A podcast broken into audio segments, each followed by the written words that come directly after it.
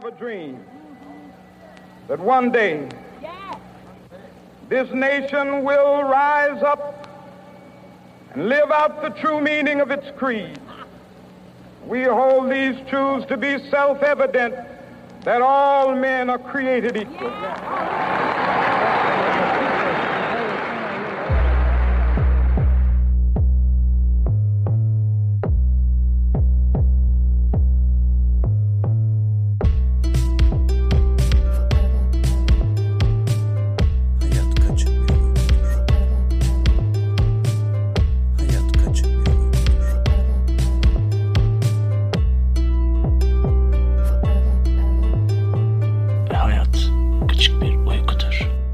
HKBU Podcast'in bir başka bölümüne daha beraberiz. Her zamanki gibi okyanusun bu tarafında ben Samet, Kaliforniya'da ve çok uzaklarda sevgili arkadaşım Nazım Cihan İstanbul'da bizlerle. Merhaba Cihan'ım. Merhaba Samet'ciğim. Nasılsın? Karışık duygular içerisindeyim biliyorsun gündem bayağı bir dolu dolu daha virüs olaylarını tam çözememişken bambaşka olaylarla gündemimiz doldu taştı. Tabii burada kastım daha çok bizim taraflardan bahsediyorum Amerika nezdinde.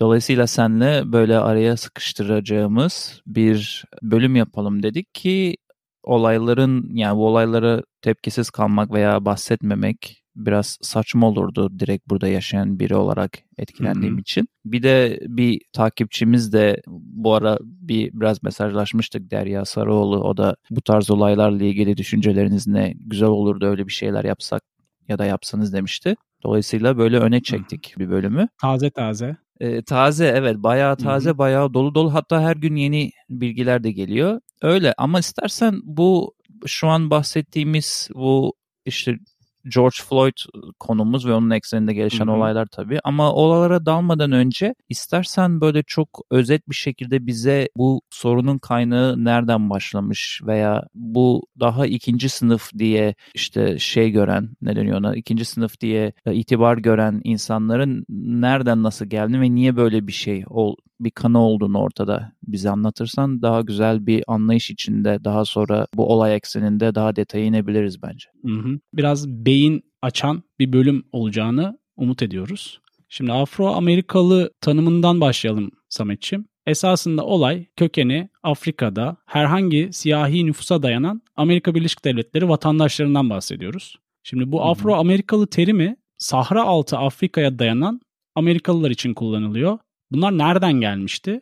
Bunlar zamanında Amerika kıtasına kölelik yapmaları için döneminde getirilmişti. Hangi dönemde getirilmişti? 16. yüzyıldan itibaren yüzyıl yüzyıl bir sürü gemiyle beraber Afrikalılar Amerika'ya köle olmak için getirildi. Yani köle derken ucuz işçi hatta ucuz demek çok havada kalan bir tanım. Bedava işçi. Yani işçiden ziyade bir de tabii hizmetçi olsun başka şey olsun. Yani Tabii. tam köle kelimesinin içini dolduran bir pozisyonda geldiler. Sadece işçi de değil. Yani evde Ya her- hizmetçi oldular. Evet evet her türlü açığı kapatan yani dönemin tepedeki insanların cebini daha hızlı doldurmalarını sağlayan iş gücü olarak da düşünebiliriz. Dönemin, Zenginlik göstergesi ayrıca zamanında.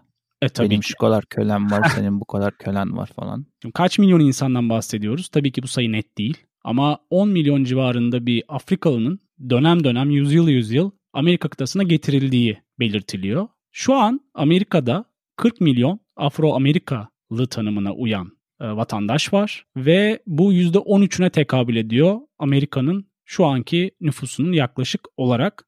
Bu sayı gerçekten de hatırı sayılır bir sayı ve hasır altı edilen bütün problemler böyle bir anda teknolojinin de verdiği imkanlarla bir beraber daha doğrusu başka bir seviyeye çıktı.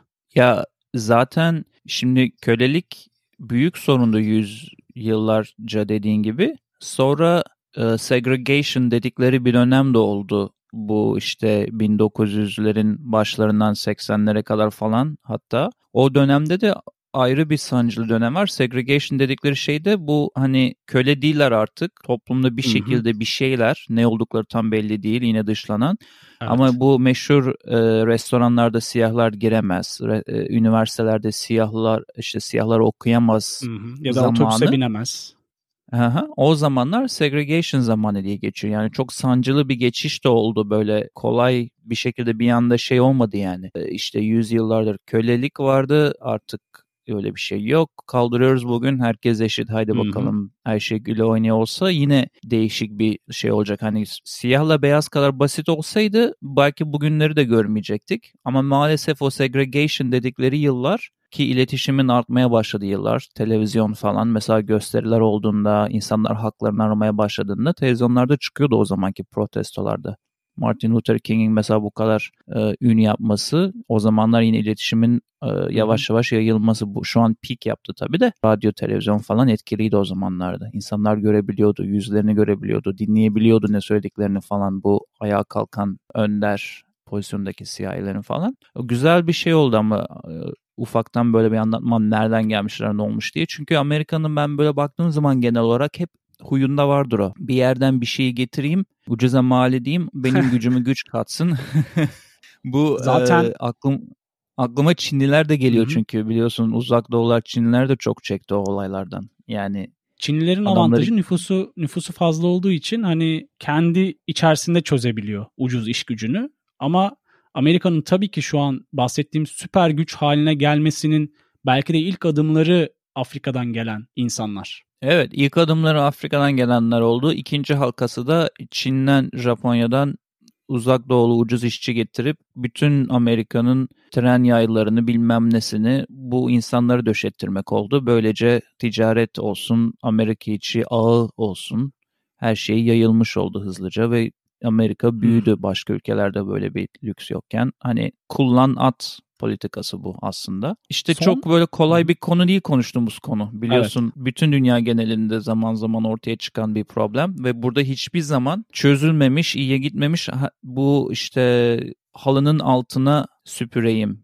bu problemi işte gözükmesin mantığı bence. Hı hı. Patlak veriyor şu an. Sorunları ötelediğin zaman sorunlar çözülmüyor zaten. Bu bir hayat gerçeği. Bunun şu an realitede gördüğümüz en net örneğinde Amerika'da yaşanıyor. Devam da ediyor hatta problemler ki sokağa çıkma yasakları ilan edildi birçok yerde. Bildiğin hı. üzere mevzu bahis olaydan sonra bir süre eylem yapıldı. Bu eylemlerin bir kısmı barışçıl iken fırsatçıların da devreye girmesiyle beraber yağmalama taraflarına da kaydı olay çetelerinde Hı hı. bu işe girmesiyle beraber bambaşka bir böyle pandemi sürecinden geçerken bir anda sanki hiç ortada virüs yokmuşcasına herkes sokaklara Evet. çıktı. Herkes yağmaladı. Böyle bir alacak karanlık kuşağı gibi bir şey oldu. Yani Soho'da dükkan kalmamış, Little Italy'de dükkan kalmamış. Times Meydanı'ndaki yerleri Şimdi bu- dağıtmışlar. Macy's'e girmişler. Los Angeles'ta Hacı- garip garip şeyler olmuş. Şimdi bu bingo kartlar olurdu ya yılbaşında üstüne para koyardık birinci çinko falan yapardık hatırlıyor musun? Hı hı. Evet. Şimdi bunların mimleri baya meşhur burada. Bir tane meme paylaşmış arkadaşım. Kafadan hatırladığım kadarını söyleyeceğim ama bu numaralar yerine oraya yazılar yazmışlar. 2020 bingo kartı yazmışlar buna. tamam mı? Şimdi bu virüsü bingonun kartında işte bir e, köşeye yazmışlar. Ondan sonra bu işte gösteriler falan protestoları yazmışlar. Güzel doldurmuşlar gerisini. Mesela diyor ki e, biraz hani bölümü de dağıtmak için bunu anlatıyorum. Çok karanlık olaylarda sabit kalmayalım diye. Mesela diyor ki işte uzaylı is- istilası. Hani 2020'de göreceklerimiz arasında. Ne kaldı değil mi? ne kaldı ki geriye? Mesela bi- benim çok hoşuma giden, beni güldüren şey de mesela Trump'ın çıplak e, resmi medyaya sığacak. Mesela o da bir felaket Hmm. olarak düşünülüyor. Hani onu görmek, öyle bir görsele maruz kalmak beyin travması geçirebileceği için insanda. Ya böyle 2020'de çok böyle ya- kal- bir şey kalmadı geriye. Mesela devasa fareler ortaya çıkıp kanatlanıp istila edebilir şehirleri falan yazmışlar. Hani ortada bir seçenek kalmadı. Daha ne olacak 2020'de şeklinde bir paylaşımdı. Dediğin gibi bir anda gündemin yani bir de pandemi de gitmedi. Yani Hala duruyor. gün evet gündem değişiyor ama mesela ben şeyi de okudum. Ee, Bir tane atlet varmış ünlü. Yani ben çok takip etmiyorum burada futbolu falan da. Amerikan futbolundan bahsediyorum. Hı hı. O Hı hı. protestolara katılmış ama dün açıklama yaptı. Sonrasında gidip test olmuş çok insanla iç içe olduğu için ve pozitif çıkmış koronada. Yani dışarı Çok şaşırtıcı Kare Anthony'yi değil işte. bırak. İşte değil şaşırtıcı değil. Bir de şey de var. Bu 2-3 hafta sonrayı bekleyin diyorlar. Bakalım bugünün E tabii. protestolarının sonuçlarını o zaman göreceğiz. Yani bir 14 Ben ama şeyi- ortaya çıkar. Ben ama şeyi çok kısa yine de söylemek istiyorum bilmeyenlere. Mevzu bahis olayla dedin ya o mevzu bahis olayın çok böyle kısa inanılmaz kısa bir özetini geçmem lazım bilmeyenlere. Şimdi George Floyd diye birisinin hayatını kaybetmesinden bahsediyoruz. Mayıs 25'te 2020'de 46 yaşındaki bu siyahi asılı işte kişiyi polis gözaltına almak istiyor. Şu anda bütün olayların patlak vermesine sebep veren Derek Chauvin isimli beyaz asıllı polis de onun boğazında dizini 9 dakika boyunca aralıksız e, bastı, yere bastırıyor elleri kelepçeli ve karşı koymuyorken bu arkadaş. Dolayısıyla sonunda nefes alamayıp hayatını kaybettiği için bütün bu olaylar oluyor diye çok kısa bir özete geçmek istedim ki insanlar bilsin son damlası neymiş bardağı taşıran. Çünkü bir sürü böyle olay var. Sadece göz yumuluyordu. En sonunda sanırım Cihan biraz da virüsün böyle karantina, işsizlik, umutsuzluk falan bütün bunların insanlarda depoladığı son 3 aydaki o dolmuşluk da üstüne biber sıktı diyelim bu olayı görmeleri sosyal medyada. Bu olayın videolarını Hı hı. izlemeleri. Yani basit bir ırkçılık oldu, biri hayatını kaybetti, bütün ülke sokağa dökülsün bazıları da yağmalasın falan değil de siz zaten bu sürecin içine etmiştiniz. Şimdi bir de masum birini veya işte suçluluk kanıtlarına kadar masum olan birini bu, bu tarz bir şekilde sokakta göz göre göre insanların önünde hani öldürdünüz yeter artık gibi bir son damla oldu sanki bardak için diye hissediyorum içinde olan biri olarak. Öyle görünüyor. Bir de şeyi ayırmak lazım. Şimdi Floyd öldükten sonra yapılan gösterilerin bir barışçıl tarafı var. Yani insanlar bir şeyi protesto ediyorlar ve bunun hakkında bir harekete geçilmesini artık sağlamaya çalışıyorlar. Çünkü uzun zamandır dediğin gibi devam eden bir süreç bu. Siyahi insanların yahut diğer ırklara mensup insanların problem yaşadıkları bir gerçek Amerika'da. Çünkü sen öteki oluyorsun ve o bahsettiğimiz o beyaz bölgeye pek giremiyorsun işin gerçeği. Diğer tarafta ise bu bir nevi polisin tamamen göstericilere odaklanmasını fırsat bilen çetelerinde yaptığı yağmalama kısmı var. Eyaletlerde zaten yapılan sokağa çıkma yasakları benim gördüğüm kadarıyla göstericiler için değil. Ama Trump'ın tamamen olayı klasik bir ülke lideri olarak değerlendirip hepsini aynı kefeye koyması başka bir olay zaten. Hı hı. Ama eyaletlerdeki sokağa çıkma yasakları tamamen benim gördüğüm kadarıyla çeteleri ayıklayıp onları yakalayıp bir şekilde yani asayişi sağlamak. Çünkü Ama orada senin lafını bölmek istiyorum. Çünkü sana Hı bir şey hazırladım burada.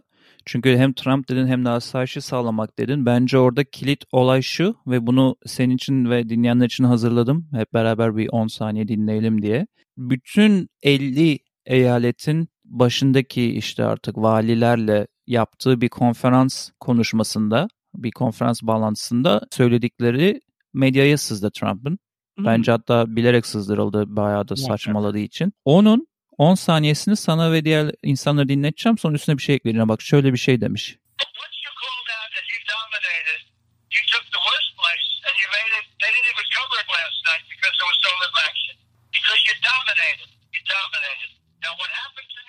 Yani bunu niye oynatıyorum? Türkçesi. Valilerden bir tanesine bu e, George Floyd'un vefat ettiği valiye eyaletin valisine diyor ki 2-3 gündür her taraf yeniyordu, yıkılıyordu. İşte her şey mahvoldu. Ama domine ettiğin zaman işler azalmaya başladı. Domine edeceksin. İşte once you dominated, you got it under control. Yani burada bunu anlatmanın sebebi şu. Sen diyorsun yani bu e, yağmalayanlar olduğu için Hı hı. kontrol altına alması gerekiyordu falan filan. Onun sızan sesi şey yani hiçbir şekilde empati göstermiyor. İnsanların komple hepsini göstericileri domine edin, sertlik kullanın, kontrol edin ve dağıtın gibi şeyler söylüyor. Hatta aynı şeyin full recording'i yani kaydını dinlediğimde vuallerden bir tanesi bayağı yürek yemiş hatta diyebilirim. yürek yemiş gelmiş toplantıya. Trump'a diyor ki senin iki yüzlülüğün ve devletin sakin olmaya karşı bir çağrı yapmaması olayları bizim için daha da zorlaştırıyor. Kontrol edemiyoruz. Daha çok barışçıl bir yaklaşım ve Hı hı. e, söylem lazım diyor. Trump'ın cevabı da küçük bir çocuk gibi böyle küçük çocuklar birbirine cevap verir ya sinirlen, sinirlendirmek için. Senin de iki yüzlülüğün benim canımı sıkıyor falan gibi bir şeyler değil. Geçiştiriyor olayı. Yani Ama- orada hiçbir şekilde Hı. onun bir empatisi yok buradaki Trump'ın yok davayla zaten. ilgili. Yani Trump'ın dediği şey zaten çok net. Herkes terörist olarak yani herkes terörist olarak e, adlediyor. Ama durum orada Tanıdık geliyor bu söylediklerin.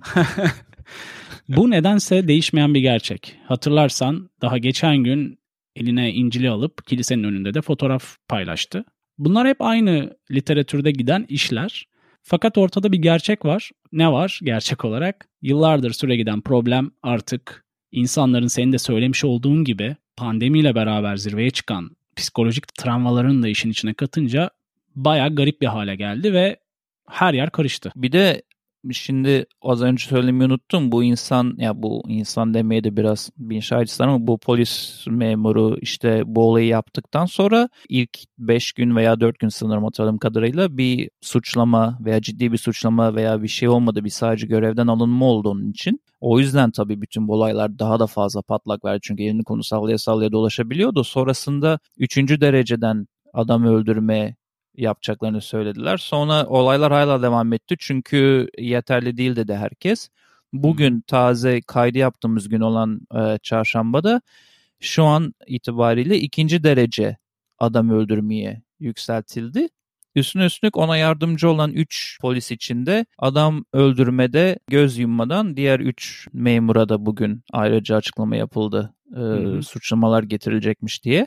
Dolayısıyla bir de bu elini konu sallıyordu ama artık şu an e, high security bir yerde yani çok yüksek güvenlikli bir yerde tutuluyormuş. Hapishanede tutuluyormuş şimdi bu Mecbur. asıl olayı yapan eleman. Yani bu bugünkü gelişmeler belki biraz yavaşlamasına sebep olabilir ama belki biraz sebep olabilir. Çünkü sanırım insanların istediği kişi bazında sadece bu polisin cezalandırılması değil artık kökten bazı reformların yapılıp bazı işte kanunların, kuralların veya geleneklerin değişmesi ki ileride de sürekli aynı şey tekrarlanmasın. Şimdi sana şöyle bir soru sorayım o zaman. Geçmişten günümüze gelen bir problemden bahsediyoruz.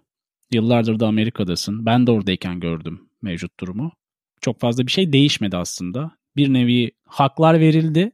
Evet, sosyokültürel olarak bazı yerlerdeler. Fakat koronavirüsünde bile Chicago'da çıkan The Connecticut Mirror gazetesinin haberinde mevcut koronadan ölenlerin %72'sinin siyahi olduğu ve hani onların yaşadığı mahallelerden çıktığı şeklinde bir haber vardı. Şehirde yaşayan siyahilerin oranı beyazlara göre %30 civarındaymış. Bu da oranın ne kadar büyük olduğunu gösteriyor. Yani bir nevi Afrika, Afrika kökenli Amerikalıların aslında ekonomik olarak da çok iyi durumda olmadığı, doğal olarak sağlık hizmetlerine ulaşamadığı ve benzeri sorunlar var. Sence bu olaydan dolayı patlak veren gösteriler, hak istekleri cevap bulsa bile bu siyah beyaz gibi bir anda olabilir mi? Hayır canım bir anda olamaz. Hatta bir tane hay avukat gibi bir birinin açıklamasını dinliyordum CNN'de dün. O da şey diyordu belki 5 yıl belki 10 yıl sürer tam etkisini görmek bugün başlatılan reformların falan diyordu. Çünkü bir anlayışın değişmesi lazım Cihan. Burada önemli olan bir anlayış var. Hatta bu Trump'ın da çoğu zaman istemli ve istemsiz desteklediği bu racist, bu beyaz ırk üstündür anlayışı. Mesela bu son Hı hı. olaylar olduğunda geçmişte arabayla göstericinin içine dalmıştı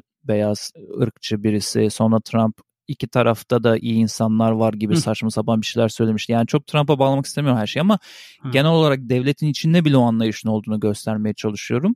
Muhakkak. Bir de insanlarda da var bazı kesimlerde o anlayışın değişmesi çok uzun sürecek. Yani jenerasyondan jenerasyona gelen bir şey bu. Baba oğula öyle aktardığı zaman büyütürken işte bunlar TKK biz iyiyiz üstünüz gibi o çocuk öyle büyüyor. Onu değiştirmek çok zor. Yani o yüzden 5-10 yıl bugünün hani gençlerini, çocuklarını herkes eşit diye büyütmeleri gerekiyor. Değişmez bir anda. Hayır, onun onun cevabı çok açık ama çok böyle 10 yıl sürmek zorunda değil şey anlamında. Hani sen önce reformlarını yaparsın, sonra değişimi izlemeye başlarsın yavaş yavaş. Yoksa yani şu an hiçbir şey yapmazsan bunun değişmeyeceği çok aşikar. Yani böyle devam edecek. Dolayısıyla bir yerden başlamak lazım. Mesela benim kişisel fikrim e, polis departmanlarından başlamak inanılmaz mantıklı. Çünkü polis içinde bu sana bahsettiğim geleneksel aileden gelen ırkçılık olayı daha hakim ve onlar da birbirini koruma kültürü çok büyük. Yani bir polis bir şey yaptığı zaman diğerinin ona göz yumup onu rapor etmemesi, onu koruması, onunla işte beraber bir şeyler yapması falan inanılmaz büyük bir kültürü burada. Birbirini polis satmaz. Hiçbir durumda satmaz. İsterse isterse çok masum 18-6 bir çocuğu vursun bir polis panikleyip bir şey yapsın falan. Diğeri Hı hı. yani raporlarını onu yazmazlar. Bizim burada bunları daha iyi görmemizin sebebi ve daha çok daha şeffaf görmemizin sebebi artık her polis neredeyse hatta diyeyim her demeyeyim neredeyse her polisin göğsünde body cam dedikleri kamera var ve bunun saklaması zorlaşıyor. Çünkü ilk etapta bunu release yapmasalar da, medyaya vermeseler de veya kimlere vermeseler de bu tarz sosyal medyada başka insanların olayların önünü arkasını veya bir kısmını çekmesiyle patlaması o istasyonun bağlı olan o olaya istasyonun o kamera görüntülerini en sonunda e, yayınlamasına zorluyor onları ve böyle olaylar gün ışığına çıkıyor ayrıntıları. Ya mesela Evet. bu George Floyd ile ilgili mesela hiçbir şey çıkmadı daha. Hala yayınlamadılar hiçbir body cam'i. Dört tane polis var olayın içinde. Bütün olay toplam 25 dakika sürüyor. Dizinin boynunda olması 9 dakika sürüyor ve bunların hiçbirini yayınlamadılar. Ama aşırı fazla sosyal medya videoları var. En az 4 kişinin farklı açıdan çektiği videoları ben izleme şansı buldum mesela. Söylediğin şeye destekleyici bir şey daha söyleyeyim. Bahsetmiş olduğumuz Floyd'u öldüren memur hakkında 13 tane şikayet varmış daha öncesinde. Hı hı. Yanında bulunan bir başka polis memuru hakkında da 8 şikayet varmış ve hala görevlerinin başındalarmış ve sonuçta böyle bir olaya da sebep vermişler. 13 13 şikayetli asıl olayın muhatabı polisin 13 şikayetinden bir tanesi de içinde ölüm içeriyormuş. Yani bir ölümlü bir vakayla ilgili bir şikayet varmış daha öncesinde. O dediğin hani polisin polisi satmaması, koruması mevzusunun vücut bulmuş hali. Tam böyle her şeyi Mona Lisa portresi gibi ortaya koymuş. İnanılmaz. Evet yani çünkü ben burada e, polis polisi koruyor derken e, en düşük etaptaki sokaktaki polisten zaten sadece bahsetmedim. Departman olarak, müdürü olarak, süpervizörü hı. olarak yani herkes herkesi koruyor anlamında zaten onu anlatmaya çalışmıştım. Kapamadan önce bölümü diz çökme eyleminden de bahsedelim istersen. Ne anlama geliyor? Çok popüler oldu ve insanların videolarda sıkça gördüğü bir eylem haline geldi. Esasında 2016 senesinde hatırlarsın bir Amerikan futbolcu milli marşta diz çökerek bir tepki göstermişti. Hmm, Kopernik. Ondan evet ondan sonra mevzu bahis bir sürü olay oldu. Trump açtı ağzını yumdu gözünü biliyorsun. Oyuncuları kovdurmaya çalıştı. Hı hı. Bunun aslında devamı gibi bir eylem bu. Mevcut duruma tepki için polis ve göstericiler bazı eylemlerde diz çökerek anma yapıyorlar. Bu da aslında sessiz ama çok derinden etkileyen bir eylem çeşidi diye düşünüyorum. Evet çok iyi bir eylem çeşidi çünkü içinde şiddet yok. Bir tane burada ünlü olan bir kadın işte çok follower olan bir kadın tweet atıyor. Yakarak yıkarak loot ederek yağmalayarak neyi başaracaksınız anlamıyorum bunun ırkçılıkla ne ilgisi var diye tweet atmış. Altında da siyahi bir kız yani sıradan herhangi bir vatandaş şey yazmış buna. 2016'da huzurlu bir şekilde diz çökerken o konuyla da bir probleminiz vardı. Öyle denedik olmadı böyle deniyoruz ne yapalım gibi bir şey yazmış. yani o tabii mazeret değil ben bu arada karşıyım tamamen bu yağmalara falan. Zaten onu bence Muhakkak. bu davayla ilgisi olanlar değil senin en başlarda bahsettiğin çetesi olan, işsiz olan, Tabii ki. uyuşturucu bilmem nesi olanlar fırsat bilip kaostan nemalanıyorlar. Yoksa benim arkadaşlarım burada mesela Sacramento'da senin hatta hatta seninle gidip resimler çekildiğimiz, dolaştığımız, ziyaret ettiğimiz Kapitol vardı Sacramento'da Beyaz hı. Saray'ın bebek versiyonu. Evet. Orada gösteriler çok oluyor son 3-5 gündür. Ee, orada da curfew yani sokağa çıkma yasağı var akşamdan sonra bu arada söyleyelim. Bana çok uzak değil çünkü. Ee, orada da aynı durumlar söz konusu. Orada da yağmalama falan oluyor ama bence bunu davayla ilgili yap- olanlar yapmıyor yani arkadaşlarımdan izliyorum ki. canlı yayınlıyorlar onlarda hiç alakası yok yani sadece sloganlarını atıp işaretlerini tutuyorlar. Bir de şunu da söyleyeyim dinleyenler Amerika'da assembly and speech freedom olduğu için toplanma bir yerde toplanma hür hakkındır burada Ee, bir şeye zarar vermediğin sürece. O yüzden de bir sıkıntı var. Hani bu yağmalama yapanları polis arkasından gidiyor eyvallah ama bazen bazı videolarda sadece toplanıp slogan atanlara da sprey sıkıp kovaladıklarını çok görüyorum. O biraz Hı hı. sıkıntı. Haklarını ihlal etmiş oluyorlar insanların o anlamda. bir hak ihlali durumu var şaşırtıcı bir şekilde Amerika ülkesinde 2020 senesinde.